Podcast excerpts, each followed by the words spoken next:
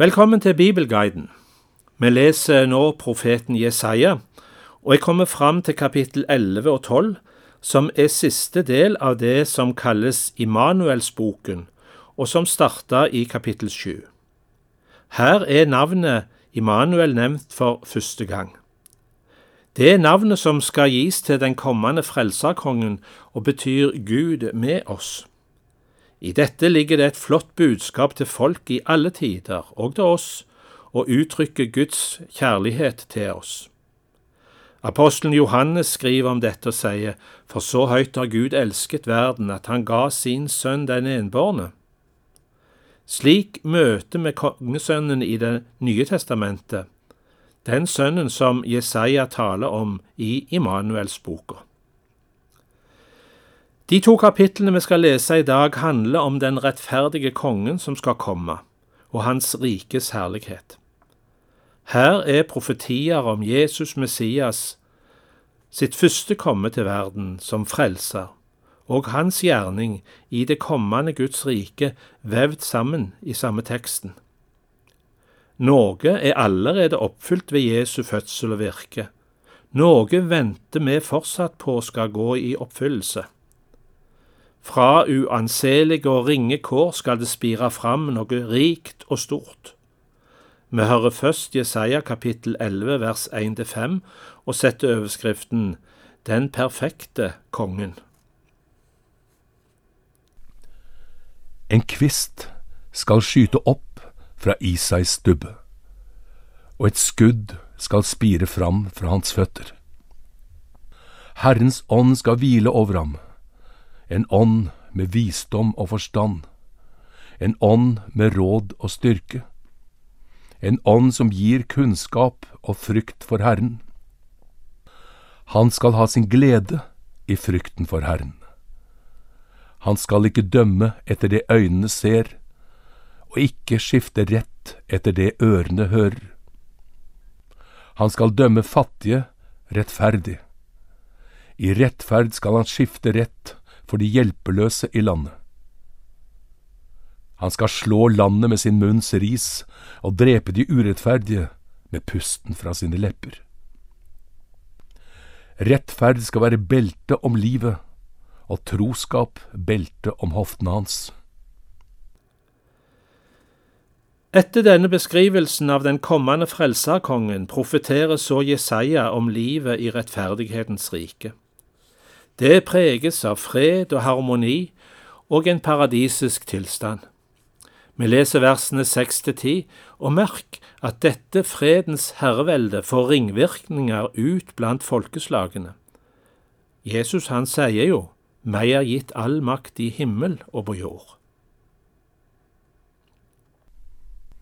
Da skal ulven bo sammen med lammet, og leoparden legge seg hos kje. Kalv og ungløve skal beite sammen, mens en smågutt gjeter dem. Ku og bjørn skal beite, ungene deres legge seg sammen, og løven skal ete halm som oksen. Spedbarnet skal leke ved slangens hule, og barnet strekke hånden ut mot ormebolet.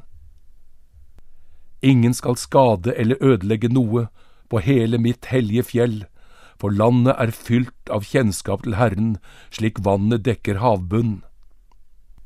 Den dagen skal Isais rotskudd stå som et banner for folkene.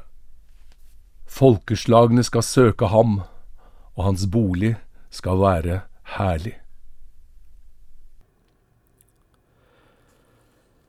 Folket som er blitt bortført til mange land og områder som en følge av sin synd og ulydighet, skal vende tilbake. Det skjer ved at Herren rekker ut si hånd og samler de. Og denne profetien taler om to begivenheter i historien. Folket vendte tilbake fra det babylonske fangenskap. Det skjedde i 530 før Kristus.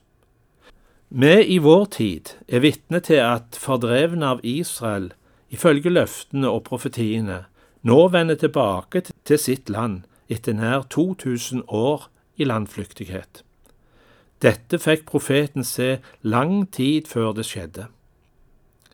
Vi leser versene 11 til 16 i kapittel 11. Den dagen skal Herren for annen gang rekke hånden ut for å kjøpe fri restene av folket sitt. De som er igjen fra Assur, Egypt, Patros, Kush, Elam, Siniar, Hamat og fra kystlandene. Han skal løfte et banner for folkene, samle de fordrevne av Israel og føre sammen de spredte av Juda fra de fire verdenshjørner. Da skal Efraims misunnelse forsvinne, og Judas fiendskap ryddes ut. Efraim skal ikke misunne Juda, og Juda ikke være fiendtlig mot Efraim. De skal slå ned på filistrenes skulder i vest. Sammen skal de plyndre folkene i øst. De skal legge hånd på Edom og Moab. Ammonittene må adlyde dem. Da skal Herren tørke ut havbukten ved Egypt og svinge hånden over Storelven. Med en sterk storm skal han kløyve den i sju bekkefar så en kan gå tørrskodd over. Og det skal være en vei for den resten som er igjen av Herrens folk fra Assur, slik det var for israelittene den dagen de dro opp fra Egypt. Så er vi kommet fram til siste kapittel i denne delen av Jesaja-boka. Etter de vidunderlige profetiene og løftene om lys og trygg framtid, hva er vel ikke mer passende enn en lovsang og takk til Gud, som viser så stor nåde og så raust velsigner sitt folk. Hans storverk skal gjøres kjent over hele jorda. En mektig profeti om den store misjonstid som vi lever i nå. Hør lovsangen i Jesaja kapittel 12. Den dagen skal du si, Jeg takker deg, Herre for du var harm på meg, men harmen snudde, og du trøstet meg. Se, Gud er min frelse. Jeg er trygg og frykter ikke, for Herren er min styrke og min sang, og Han er blitt min frelse. Med glede skal dere øse vann av frelsens kilder. Den dagen skal dere si, Lovpris Herren, Påkall Hans navn. Gjør Hans gjerninger kjent blant folkene. Forkynn at Hans navn er opphøyd. Syng for Herren, for Han har gjort storverk. Gjør dette kjent over hele jorden.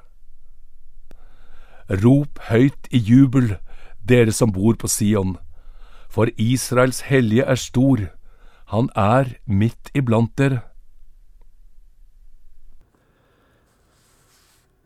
Etter dagens lesning av disse kjente profetord hos profeten Jesaja, så tar vi med oss ordet i 12.2. Se, Gud er min frelse, jeg er trygg og frykter ikke. I neste utgave av Bibelguiden går vi inn i et nytt avsnitt av Jesaja-boka.